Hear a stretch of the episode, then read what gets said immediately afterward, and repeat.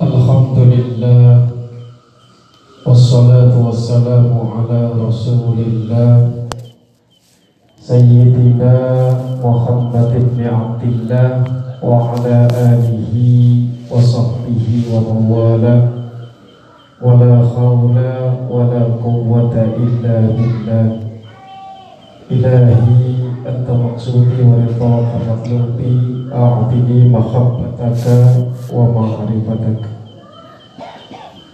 Bapak-bapak jamaah pengajian malam Jumat yang insya Allah pada kesempatan malam hari ini kita semua dimuliakan oleh Allah Subhanahu wa taala. Malam hari ini kita akan tabaruk kitab Irsyadul Ibad ila Sabilir Rasyad. Tapi sebelum itu mari kita bacakan surat Al-Fatihah. Semoga penulis kitab Irsyadul Ibad ila Sabilir Rasyad diberikan tempat yang mulia di sisi Allah Subhanahu wa taala. خصوصا إلى فقرة مؤلف هذا الكتاب الشيخ سينوتين بن عبد العزيز بن سينوتين المالباري ببركة من القرآن له الفاتحة أعوذ بالله من الشيطان الرجيم بسم الله الرحمن الرحيم. الحمد لله رب العالمين. الرحمن الرحيم. مالك يوم الدين. إياك نعبد وإياك نستعين. اهدنا الصراط المستقيم. صراط الذين أنعمت عليهم غير المغضوب عليهم ولا الضالين Amin ya Allah ya Rabbal Alamin Semoga dikabulkan oleh Allah Subhanahu wa taala. Di dalam kitab Irsyadul Ibad ila Sabilir Rasyad Tepatnya di halaman yang ke-142 sampai dengan 143 Penulis kitab Irsyadul Ibad Irsyadul Ibad ila Sabilir Rasyad mengutip salah satu ayat Al-Quran yaitu surat Al-Hujurat ayat 12 Surat apa? Ayat berapa? 12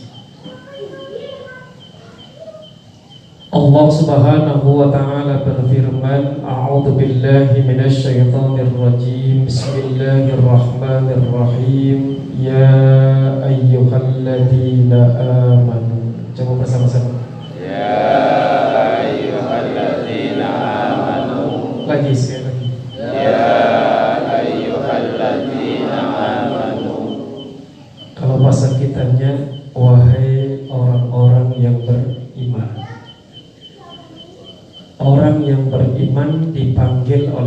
Allah Subhanahu wa taala. Panggilannya khusus. Bukan ya ayyuhan nas. Kalau ya ayyuhan nas berarti semua manusia yang dipanggil. Tapi kalau ini yang dipanggil khusus untuk orang-orang yang beriman. Sehingga orang yang akan datang memenuhi panggilan Allah adalah orang yang dalam hatinya memiliki iman. Kalau dalam hatinya nggak memiliki iman, maka dia nggak akan mau mendatangi panggilan Allah Subhanahu wa Ta'ala. Contoh gampangnya gini, kalau misalkan saya manggil Pak Haji Ali ke sini, kira-kira yang datang ke saya siapa? Pak Haji Ali. Pak Haris datang apa enggak? Enggak Kenapa nggak datang? Dipanggil Dari karena yang dipanggil Nah begitu Allah memanggil ya ayyuhalladzina amanu Kira-kira yang akan datang memenuhi panggilan Allah siapa? Orang beriman Orang yang dalam hatinya merasa memiliki iman. Kalau dalam hatinya nggak merasa memiliki iman cuek. Dipanggil juga bodoh amat. Mudah-mudahan kita semua termasuk ke dalam golongan orang-orang yang di dalam hati kita mempunyai iman Seorang lagi Ya ayyuhalladzina amanu Apa artinya? Wahai orang-orang beriman Untuk apa orang yang beriman dipanggil oleh Allah Subhanahu wa taala? Ijtanibu kathiram minadhan Kalau bahasa kitanya Ijtanibu Jauhi oleh kalian semua Kathiram minadhani Banyak berprasangka Saya ulang lagi Orang yang beriman diperintahkan oleh Allah agar menjauhi dari banyak prasangka. Kenapa? Inna ba'dadhanni ismun karena sebagian prasangka itu adalah dosa. Jadi prasangka itu ada dua. Yang pertama namanya prasangka baik, bahasa kitanya disebut dengan husnudzon. Apa namanya? husnudon berbaik sangka itu diperbolehkan oleh Allah Subhanahu wa taala. Yang tidak boleh itu, yang harus dijauhi oleh kita itu adalah suudzon. Apa namanya? Suudzon atau jelek sangka. Nah ini banyak terjadi di tengah masyarakat kita senangnya berprasangka buruk, senangnya jelek sangka, padahal dilarang oleh Allah Subhanahu wa taala. Ijtanibu kata Allah. Jauhi oleh kalian semua kathiran minadhanni dari banyak berprasangka.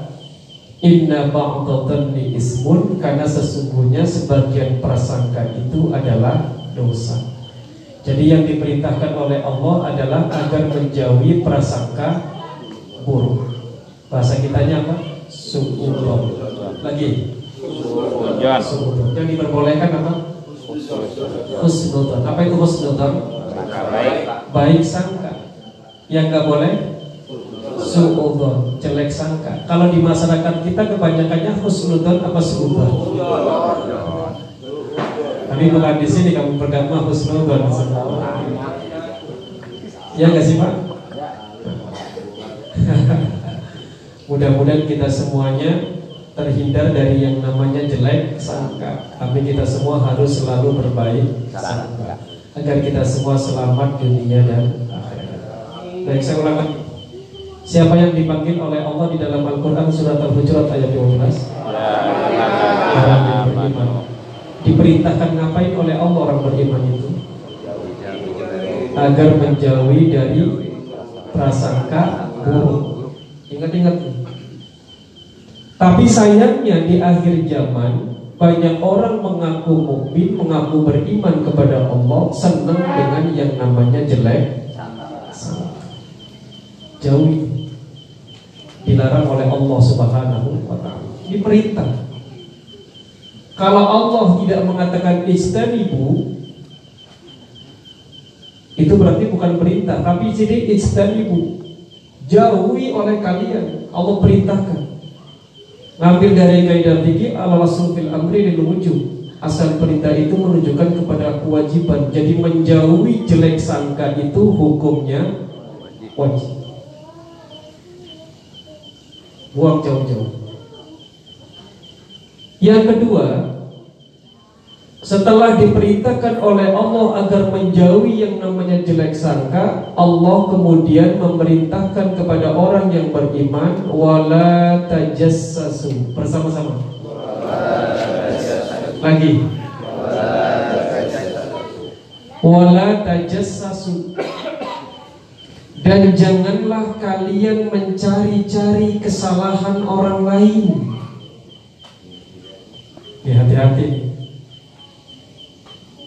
Banyak orang yang mengaku beriman kepada Allah, kesalahan sendiri yang besar dan banyak tidak dihiraukan, kesalahan orang lain yang kecil diungkit-ungkit dan dibangkit. Bangkit. Makanya ada pepatah mengatakan kuman di seberang lautan nampak kelihatan, gajah di pelupuk mata tidak nampak kelihatan. Itu orang yang tajassus. Sukanya mencari-cari kesalahan orang lain. Kira-kira Bapak dalam hidup di dunia senangnya begitu?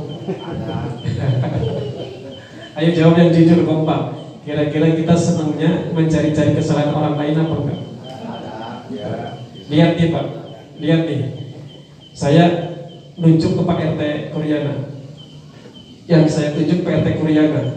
Yang ke Pak RT Koreana jari saya berapa? Satu. Ada berapa? Satu. Yang ke saya ada berapa? Empat.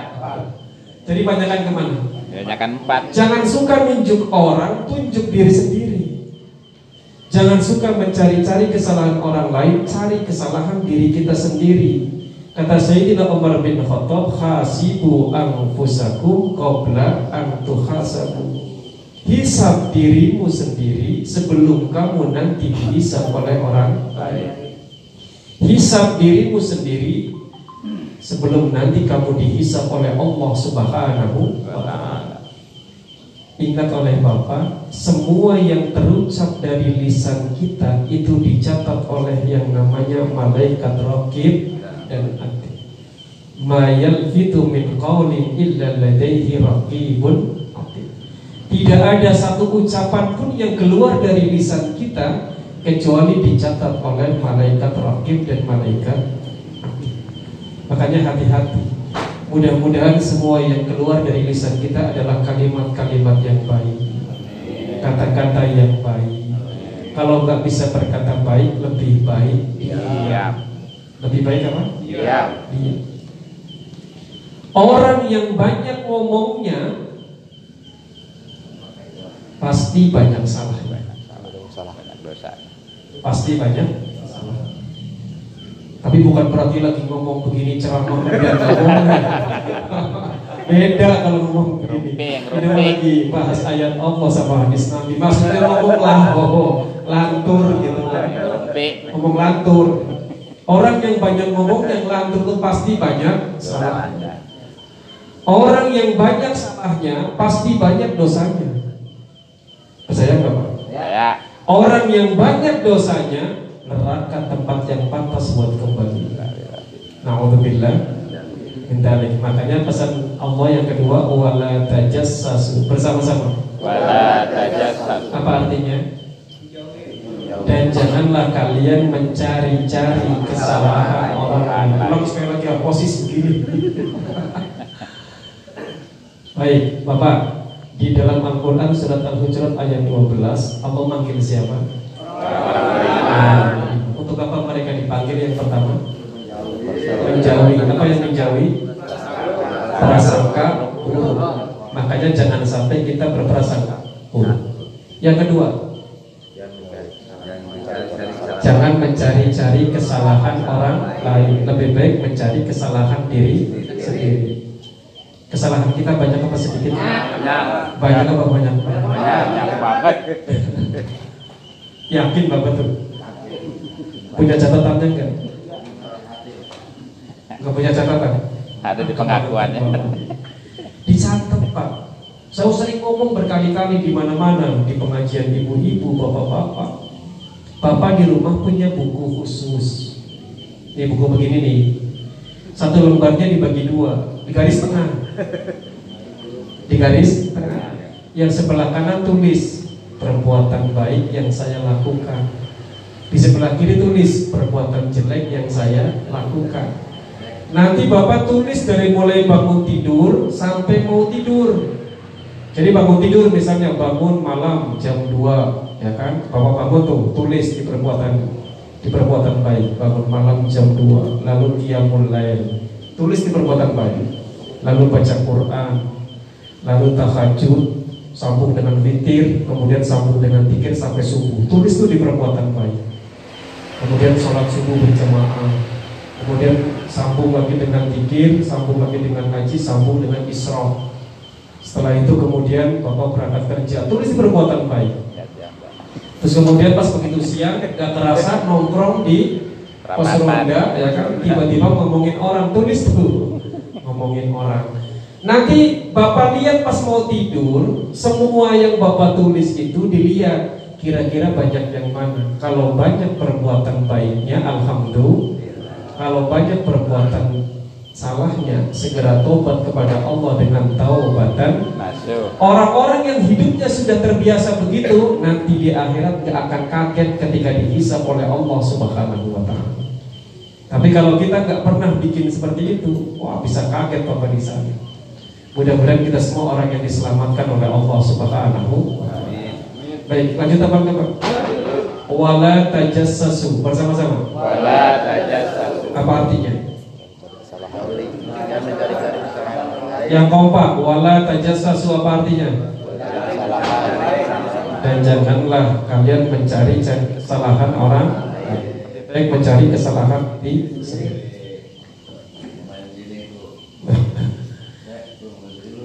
Yang keberapa? Yang ketiga, wala yahtab ba'dukum ba'dha. Bersama-sama. Wala yahtab ba'dukum ba'dha. Dan janganlah sebagian kamu menggunjing sebagian yang lain. Janganlah sebagian kamu menggunjing, menghibah. Coba ghibah. Lagi. Pakainya ghibah. Ghibah. Bukan pakai h. Ghibah. Ghibah. Ngomongin orang. Apa? Ngomongin orang. Bapak sering begitu apa enggak? Kan kalau bapak-bapak kebiasaan ngomongin orang, ah, hati-hati, kelainan itu. kalau ada bapak-bapak sedang ngomongin orang, hati-hati kelainan. Coba Adam, bilang Adam. Kenapa memingkem? Mingkem, Adam. Mingkem. Beda dengan Hawa, coba Hawa. Mangap mingkem. Mangap. Ngapir. Jadi kalau laki-laki kok ternyata ketemu diam, Adam. Apalagi super dengan rokok, wah tambah diam lagi. Jadi jangan sampai sebagian kamu menghibah sebagian yang lain. Ini dianggapnya oleh kita hibah itu seperti dosa kecil, padahal hibah itu adalah dosa besar. Seulang lagi, Hibah itu bukan dosa kecil Tapi hibah itu adalah dosa Besar. Kebanyakan orang Islam di akhir zaman gak tahu Disangkanya hibah itu dosa kecil Padahal yang namanya hibah itu kata baginda Nabi Muhammad Wasallam dosanya lebih besar daripada zina. Percaya nggak pak? Percaya apa enggak? Yakin apa enggak?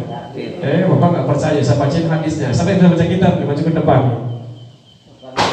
Jadi biar biar bapak nanti nasihatin istri bapak, anak bapak, saudara, atau nasihatin diri kita sendiri. Kata baginda Nabi di dalam kitab Irsyadul Ibad ila Sabili Rasul di halaman 143 dijelaskan Iyakum wal ghibah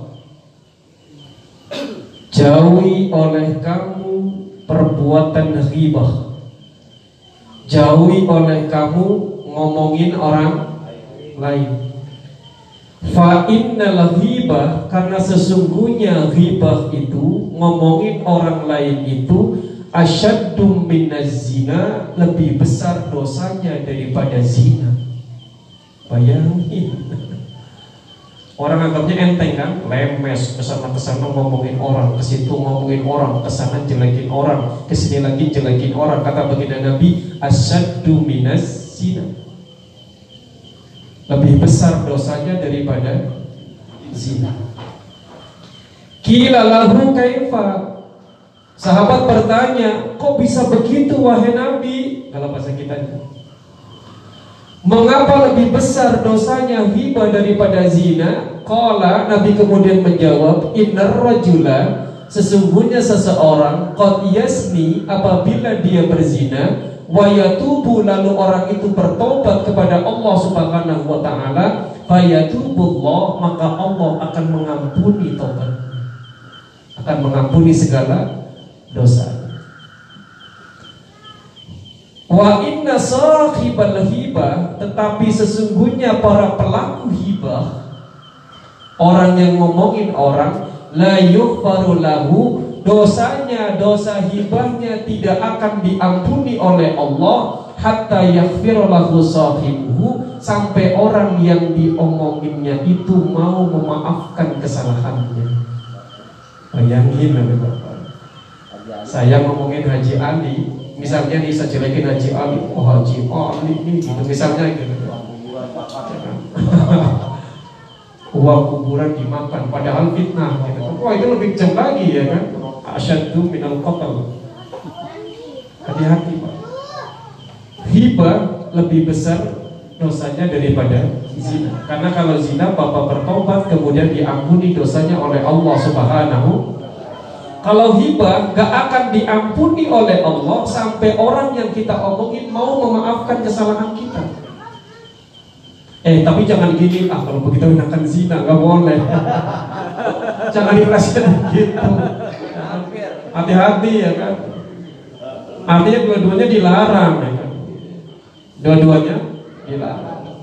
Dosanya ya kan yang sangat besar. Hati-hati pak. 70 tahun amal ibadah hilang ya kan? Hidup cuma baru berapa tahun bapak ya kan? 50 tahun. Masih minus 20 tahun. Paham pak? Jadi hibah dosa besar apa dosa kecil? Besar. hati-hati ya. Ngomong ini ini istri-istri kita omongin tuh anak-anak kita juga omongin Bapak-bapak yang suka masih suka hibah orang juga taubat kepada Allah dengan taubatan. Eh saya nggak ngarang-ngarang Pak, ini saya baca kitabnya tanpa saya kurang. Ya kan? Kenapa? Karena memang begitu penjelasan. Orang-orang yang dalam hidupnya biasa menghibah orang lain Sampai matinya nggak taubat kepada Allah dengan taubat dan nasuha Nanti orang itu di akhirat akan bingung ketika mendapatkan kitab catatan amalnya dari Allah subhanahu wa ta'ala.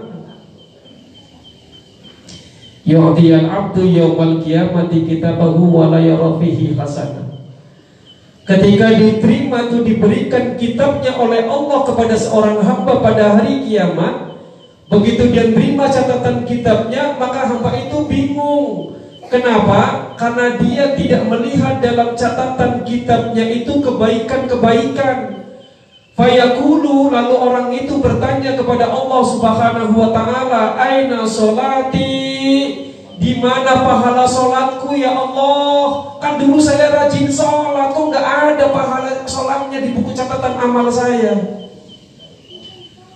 Wasiami di mana juga pahala puasaku ya Allah. Padahal saya rajin puasa Puasa wajibnya rajin, puasa sunnahnya rajin Tapi kok nggak ada catatannya sama sekali. Wa ta'ati Dan aku juga rajin melakukan ketaatan-ketaatan kepadamu. Dikirnya rajin, solawatnya rajin, sodakonya rajin Kok nggak ada semua catatan amal-amalku itu wahai Allah apa kata Allah Subhanahu wa taala? Dhahaba amaluka kullahu bi'tiyabakan nas. Semua amalmu itu hancur, lebur, hilang karena perbuatan hibahmu kepada orang lain. Nauzubillah min Allahumma ba'idna. Kita berdoa kepada Allah, mudah-mudahan kita semua dijaga oleh Allah Subhanahu wa taala. Paham Pak? Paham Nah, yang ngomongin orang biasa Taubat sama Allah Dengan taubatan nasuha Tahan kenapa kalau pengen ngomongin orang? Garuk mulutnya Ji. Garuk mulut. Nah, Alhamdulillah Pokoknya prinsipnya gini Prinsipnya jangan sukudon Tapi khus Jangan jelek sangka Tapi baik. Jangan mencari-cari kesalahan orang lain Lebih baik mencari kesalahan diri sendiri. Jangan suka menggunjing orang lain. Daripada gunjing orang lain Lebih baik dikir kepada Allah subhanahu. Coba ikuti saya Subhanallah Walhamdulillah Wa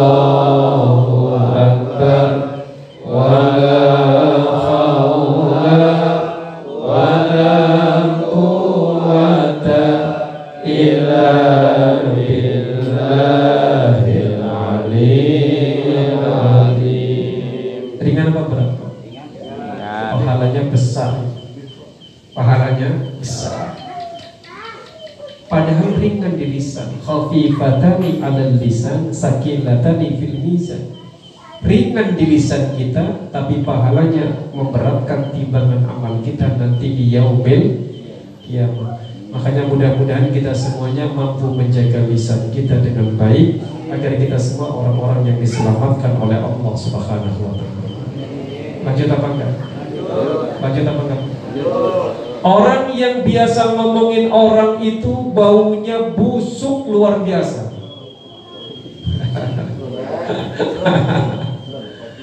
baunya apa Pak? Busuk luar biasa. Dulu di zaman baginda Nabi, setiap ada orang datang kepada baginda Nabi dan hobinya ngomongin orang, itu langsung kecium baunya. Amis, lebih busuk daripada bangkai, langsung kecium. Kata Nabi, begitu datang orang nih, sahabat nanya, bau apa ini Rasul? Kata Rasul, ini bau orang yang dalam hidupnya biasa ngomongin orang.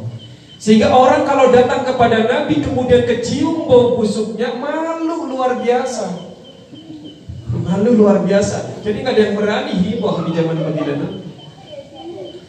Tapi di zaman sekarang ini mengapa orang yang menghibah orang lain baunya nggak kecium busuk? Karena sudah terlalu banyak orang yang hibah di muka bumi ini. Contoh gampangnya gini, Bapak kalau masuk ke tempat pembuangan sampah pertama kali, kira-kira bau banget apa enggak? Bau. Tapi kalau Bapak tinggal di situ setiap hari, kira-kira bau sampah apa enggak? Ya, Kenapa? biasa. Sudah. Nah, begitu banyaknya orang yang ngomongin orang di muka bumi ini, sehingga kalau ada orang ngomongin orang itu, nggak kecium baunya, udah faal hidupnya. Padahal baunya luar biasa, busuk luar biasa. Coba kalau bapak pengen bukti, biasakan di lingkungan kita jangan ada orang yang ngomongin orang. Yakin saya baunya wangi semuanya. Nanti kalau datang kepada kita orang yang biasa ngomongin orang pasti langsung kecium tuh. Coba buktiin kalau nggak percaya. Itu pernah terjadi di zaman baginda Nabi Muhammad Sallallahu Alaihi Wasallam. Tiba-tiba kecium bau busuk atadruna mahadihri. Tahukah kalian ini angin apa? Ini bau apa ini? Kata baginda Nabi, hadhihi rihul ladina yahtabuna mu'minin. Ini adalah bau busuknya orang-orang yang suka menghibah orang-orang yang beriman. Makanya jauhi oleh kita dari yang namanya hibah agar kita semua selamat di dunia wal akhirah. Amin ya Allah ya Rabbal Orang yang suka menghibah orang lain digambarkan oleh Allah ayyuhibbu ahadukum ayyakula lahma akhihi maitan Maukah salah seorang di antara kamu ketika disuruh memakan daging bangkai saudaranya yang telah mati? Bapak punya adik atau bapak punya kakak Kemudian adik bapak mati, kakak bapak mati Kemudian bangkainya disuruh dimakan sama bapak Kira-kira mau apa kagak? Mau apa kagak? Fakarih tumu kata Allah. Pasti gak akan mau Micingin mata sebelah. Ogah Nah orang yang makan bangkai itu seperti itu. Digambarkan oleh Allah Laksana orang yang memakan daging bangkai saudaranya. Sehingga nanti di yaumil kiamah Banyak orang yang mulutnya mengeluarkan darah. Kenapa? Karena dari biasa gibah kepada orang lain. Mudah-mudahan kita semuanya menjadi orang-orang yang tobat kepada Allah dengan taubatan nasuha. Sehingga pesan Allah yang terakhir menutup ayat ini wattaqullah kata Allah. Dan bertakwalah kalian kepada Allah. Innallaha tawwabur rahim. Sesungguhnya Allah maha penerima tobat lagi maha penyayang. Kuncinya kalau pengen sukses selamat dunia dan akhirat taubat kepada Allah. Jadi orang yang bertakwa maka semua dosa kita akan diampuni oleh Allah Subhanahu wa taala. Jadi orang-orang kita pada salah kaprah ya Pak. Dosa yang begitu besar dianggapnya dosa kecil. Makanya dilakukan oleh kebanyakan semua. Baik sampai sini dulu ada yang mau bertanya silakan. Yang belum paham tanya. Waalaikumsalam. mungkin mulut nggak bicara tapi kadang-kadang jari-jarinya berbicara tuh Pak Ustaz lewat handphone sama enggak itu dosanya terus yang keduanya ketika kita mengetahui sesuatu perbuatan yang tidak baik gitu ya kalau kita sampaikan kepada orang lain apakah itu tiba atau dosanya sama apa enggak dosa karena dalam hati niat untuk meluruskannya iya Assalamualaikum warahmatullahi wabarakatuh Ada yang nanya nih Pak. Kalau ngomong lewat lisan nggak dilakukan tapi yang ngomong tangan. Lewat tulisan WhatsApp, Facebook atau yang lainnya gitu kan kemudian ngomongin orang sarwa kene apa Pak mawon kata orang Jawa kata orang Sunda sarwa kene sama aja riba juga. Nah, bagaimana sikap kita kalau kita mendapatkan sebuah berita kata Allah, "Idza jaa fasikum binaba'in fatabayyanu." Ini prinsip orang beriman. Idza apabila jaa fasikum binaba'in, datang orang fasik membawa sebuah berita. Kuncinya kata Allah, fatabayyanu. Coba bersama-sama. Fatabayyanu. Tabayyun itu kalau bahasa kitanya klarifikasi, cross check, tanya. Jangan kemudian malah di kompor-komporin atau tambah ditambah-tambahin. Klarifikasi. Cari kebenarannya.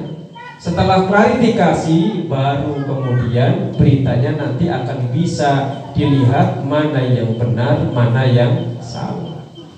Jadi nggak boleh cuma menerima salah satu pihak kemudian mengabaikan berita yang lainnya. Terima dua-duanya. Setelah itu baru kemudian kita bisa melihat mana yang hak, mana yang batil, mana yang benar, mana yang salah. Jadi ngomongin orang lewat tulisan sama juga dosanya dengan ngomongin orang lewat lisan. Nah kalau kita ingin mendapatkan sebuah berita, ingin mengklarifikasi, mengcross apakah itu hibah? Bukan. Itu namanya klarifikasi untuk tambah itu. Diperintahkan oleh Allah Subhanahu. Bapak, Bapak tahu artinya hibah? Ini biar Bapak paham. Nabi Muhammad Shallallahu Alaihi Wasallam bertanya kepada para sahabatnya, "Atadruna mal ghibah?" Tahukah kalian apa itu yang dinamakan nahibah? Qalu Allah wa Rasuluhu a'lamu. Para sahabat kemudian menjawab, Allah dan Rasulnya lebih mengetahui. Qala lalu kemudian baginda Nabi Muhammad menjawab, "Dzikruka akhaka bima yakrahu." Coba bersama-sama Pak. Dzikruka akhaka bima yakrahu. Dzikruka akhaka bima yakrahu. Menyebutkan hal-hal yang tidak disenangi oleh saudaramu itu namanya ghibah. Menyebutkan hal-hal yang tidak disenangi oleh saudaramu. Misalnya gini saya lagi duduk sama Pak RW Idris kemudian datang sama saya laki-laki pendek cebol hitam hidungnya pesek Begitu orang itu datang kemudian nanya ke saya, lalu orang itu pergi. Terus Pak Eredis ngomong, Ustaz itu orang hitam banget ya, udah hitam pesek lagi, udah pesek hidup lagi. Nah ketika ngomong seperti itu, itu udah hibah. Walaupun yang diomonginnya ada pada diri orang itu, itu namanya hibah. Dikruka ahoka bima menyebutkan hal-hal yang tidak disenangi oleh saudara. Gila, sahabat kemudian bertanya, "Afara'ata in kana akhi ma'akulu?" Walaupun apa yang aku ucapkan itu benar-benar ada pada saudaraku, kata sahabat kepada baginda Nabi, "Qol qola." Baginda Nabi kemudian menjawab, "In kana fihi ma taqulu faqad ahtabtahu." Jika apa yang kamu omongin itu benar ada pada saudaramu, maka kamu telah menghibahnya. Wa illam yakun fihi faqad bakhattahu dan apabila yang kamu omongin gak ada pada saudaramu, kamu namanya memfitnahnya. Bayangin Bapak. ngomongin yang ada pada saudara kita namanya riba, ngomongin hal yang tidak benar tidak terjadi pada saudara kita namanya fitnah. Al fitnah itu asyaddu minal qatl. Fitnah itu lebih kejam daripada pembunuhan. Nauzubillah. Minta. Baik ada yang lain silakan. Ya.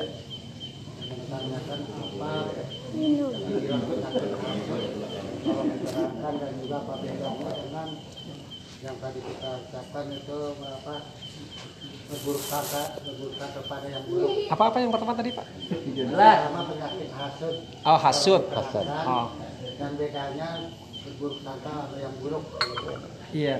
itu yang saya tanya Hasad Hasad ya Hasad itu kalau bahasa kitanya dengki.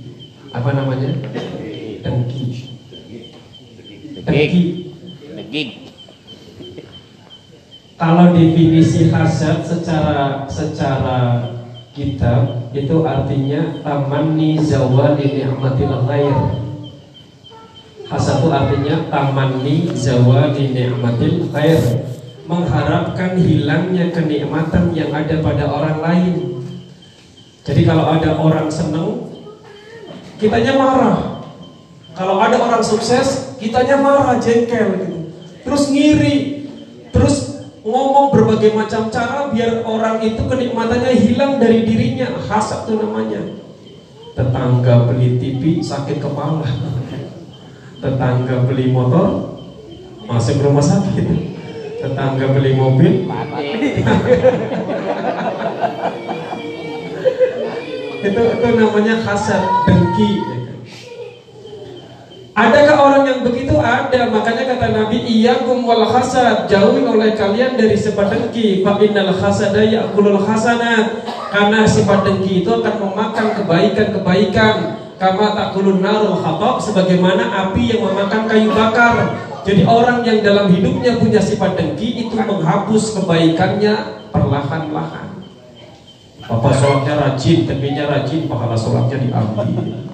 Papa puasanya rajin, dengkinya rajin, pahala puasanya diambil. Papa ngajinya rajin, ya dengkinya rajin, pahala ngajinya diambil. Bangkrut di akhir. Apa namanya? Bangkrut di akhir. Makanya hati-hati. Kita sudah mengumpulkan amal sebanyak-banyaknya dan jangan sampai amal itu kemudian kita hancurkan sendiri. Salah satu yang menghancurkan amal itu hibah. Kemudian yang kedua hasad, hancurin amal. Kalau hibah menghapus semua amal-amal kita, kalau hasad memakan amal kebaikannya secara perlahan-lahan kayak api makan kayu bakar. Pelan, pelan, pelan, pelan habis jadi debu. Nggak manfaat sama sekali. Dua-duanya dilarang oleh Allah Subhanahu wa taala. Jadi hasad pun termasuk perbuatan yang dilarang oleh Allah Subhanahu wa taala. Bahaya. Kalau orang punya penyakit hasad bahaya. Nauzubillah minta. Orang kita bilangnya hasud. Menghasut. Menghasut orang lain. Yang kedua apa pertanyaannya tadi? Yang Lupa. kedua apa? Lupa yang nanya ke lupa. Gimana yang kedua? Lupa. Lupa katanya, Pak. Ya? apa sangka kepada yang buruk sangka kepada yang buruk sangka kepada yang buruk berburuk sangka kepada yang buruk. Jangan berburuk sangka. Pokoknya prinsipnya jangan berburuk sangka. Jadi orang itu harus berbaik sangka. Husnudon, coba bersama-sama. Jangan suudon, tapi hus. Belajar dari Syekh Abdul Qadir Al Jailani kepada Allah Syekh Abdul Qadir kalau ketemu dengan anak-anak dia ngomong begini, ya Allah, nah kamu tuh mulia banget luar biasa, belum ada dosanya, sementara saya dosanya banyak sekali. Terus Abdul Qadir Jailani itu. Kalau ketemu sama anak kecil dia ngomongnya apa? Ya Allah, kamu tuh nggak ada dosanya, saya dosanya banyak. Padahal satu Qadir Jailani, oh mohon ampunnya luar biasa. Nggak ada dosanya padahal tapi ngomongnya saya dosanya banyak. Karena nggak mau berjelek sangka dengan orang lain. Kalau kita kan enggak, emang lu siapa? Hebatan juga gue. Hati-hati tuh ya kan. Orang begitu bahaya tuh. Bahaya.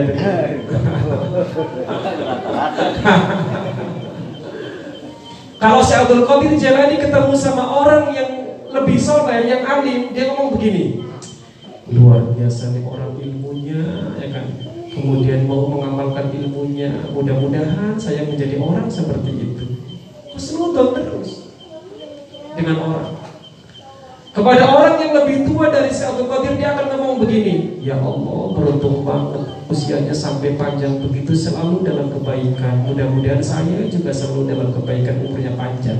Nggak pernah sekalipun saya baca dalam kitabnya Si Abdul Qadir Jilani punya sifat jelek sangka dengan orang lain. Para wali Allah nggak pernah punya jelek sangka dengan orang lain Termasuk saya punya guru Asyik Ahmad Sahibul Wafat Tajul Arifin Gak pernah jelek sangka dengan orang lain. Semuanya diterima sebagai muridnya. Mau dia orang baik Mau dia orang bergajulan kayak apa pun Selagi masih mau kembali kepada Allah Subhanahu wa ta'ala Diterima dengan hati senang dan gembira. Gak pernah ada jelek sangka. Kalau kita kan kadang milih-milih. Ya gak sih Pak? Gaul juga milih-milih. Orang-orang saleh itu nggak pernah milih-milih. Sabtul Qadir nggak pernah milih-milih. Guru saya juga gitu nggak pernah milih-milih. Saya pesantren senangnya pakai celana jin, nggak pernah dimarahin. Kalau sholat di masjid di belakang guru saya pakai celana jin, nggak pernah dimarahin sama sekali, nggak pernah digini, geser geser geser, nggak pernah sama sekali. Tapi pada suatu hari yang membuat saya sadar dan kemudian berubah menjadi pakaian seperti ini. Ketika saya sholat dengan beliau di belakang beliau ketika assalamualaikum warahmatullah saya melihat semua orang berbaju gamis ber pakai ini semuanya. Pakai apa sih itu namanya? Imamah lengkap putih-putih semuanya. Ke kanan saya putih-putih semua. Begitu assalamualaikum warahmatullah.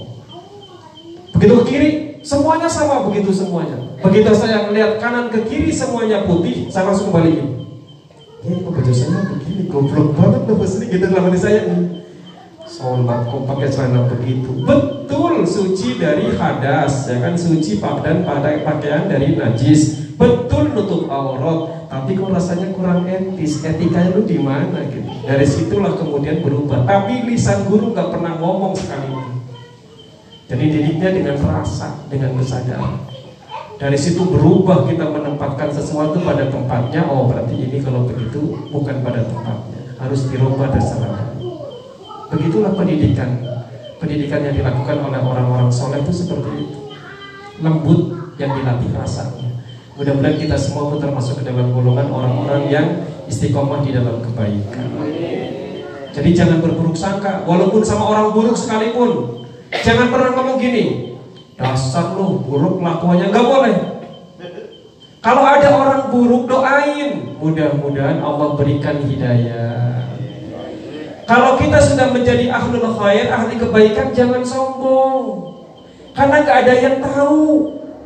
Nih pak. Ada orang yang dalam hidupnya baik terus. Tapi begitu di sininya kemudian melakukan perbuatan salah maka begitu mati namanya subul khotimah. Ada orang di sini jelek mulu kelakuannya, eh mau matinya taubatan nasuha. Makanya disebut dengan husnul. Orang tuh yang dilihat akhirnya. Dan akhir kita nggak ada yang tahu, makanya saya mengajarkan doa yang bi- biasa dibaca setiap sebelum sholat subuh pada pada qobliyah subuh. Allahumma fir li ummati sayyidina Muhammad harapannya mudah-mudahan kita semua istiqomah karena nggak ada jaminan makanya saya pesan yang sudah ibadah jangan menjadikan dirinya sombong Yang belum mau ibadah, kita doakan kepada Allah mudah-mudahan diberikan pintu hidayah oleh Allah Subhanahu wa taala. Jadi dengan begitu kita semua akan husnudon dengan semua orang, baik sangka dengan semua orang. Paham ya Pak? Kita pasrahkan kepada Allah. Karena tugas kita mah hanya ngajak saya ngajak Pak RT ngajak Pak RW ngajak Pak Dusun ngajak ketua pengajian ngajak semua ketua majelis taklim ngajak orang diajak sudah nggak mau tanggung jawab sendiri. Yang penting tugas kita ngajak paham ya Pak? Paham apa enggak Pak? Jadi jangan jangan putus asa. Misalnya yang ngaji orangnya nggak banyak jangan juga sedih Bapak pikir majuin Islam di akhir zaman itu gampang. Kayak megang bara api. Gak kuat-kuat iman dilepas. Gak kuat-kuat iman dilepas. Baginda Nabi Muhammad saja merubah akhlak masyarakat yang Nabi dan Rasul yang paling hebat 23 tahun. Apalagi cuma kita orang biasa. Paham ya Pak? Pasrahkan kepada Allah saja mudah-mudahan Allah berikan hidayah kepada saudara-saudara kita yang masih belum mau ibadah kepada Allah yang paling tugas kita sudah ngajak Nurul Pala ngajak Al-Abror ngajak Nurul Iman ngajak Nurul Huda ngajak semuanya ngajak kepada kebaikan baik ada yang lain silakan satu lagi Ya Pak. Iya. Pak. silakan silakan Ah, tentang sholat Pak. Iya, silakan Kebetulan sholat kan ada yang udah diatur waktu Pak ya. Iya. Kayak sholat tahajud, waktunya malam hari, atau sholat malam, dan lain sebagainya. Kalau untuk sholat hajat Pak, waktunya kapan Pak? Mungkin itu saja Pak. Pak. Iya. Nah, ini judulnya pertanyaan anak-anak kayaknya. Tapi daripada saya nggak tahu, iya iya jadi itu aja Pak. waktu sholat yang paling afdol itu kalau bapak sedang punya hajat di malam hari. Jadi bapak kalau mau pengen punya hajat dan hajat saya pengen dikabul coba bangun di sepertiga malam terakhir. Karena di situ ada yang namanya saat mustajabah. Waktu di mana kalau kita mau berdoa doanya pasti dikabulkan oleh Allah Subhanahu wa taala. Apalagi kita sedang punya hajat. Makanya sholatnya sholat hajat. Ketika sholat hajatnya dilakukan di saat yang mustajabah, maka insya Allah hajatnya cepat dikabulkan oleh Allah Subhanahu wa. Jadi waktu abdulnya di malam hari. Kalau bisa terserah mau di sepertiga malam terakhir silakan, mau sebelum tidur juga silakan.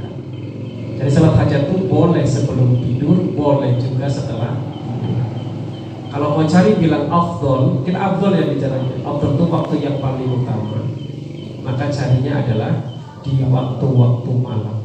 Apalagi di sepertiga malam terakhir. Itu waktu yang paling afdol. Karena ada yang namanya saat mustajabah waktu di mana doa dikabulkan oleh Allah. Baik, mudah-mudahan manfaat buat kita semuanya. Kalau masih ada pertanyaan silakan kirim di WA atau kirim ke grup taklim nanti saya jawab di Jumat yang akan datang. Apa kesimpulan Pak? Yang kita kaji malam hari ini surat apa Pak?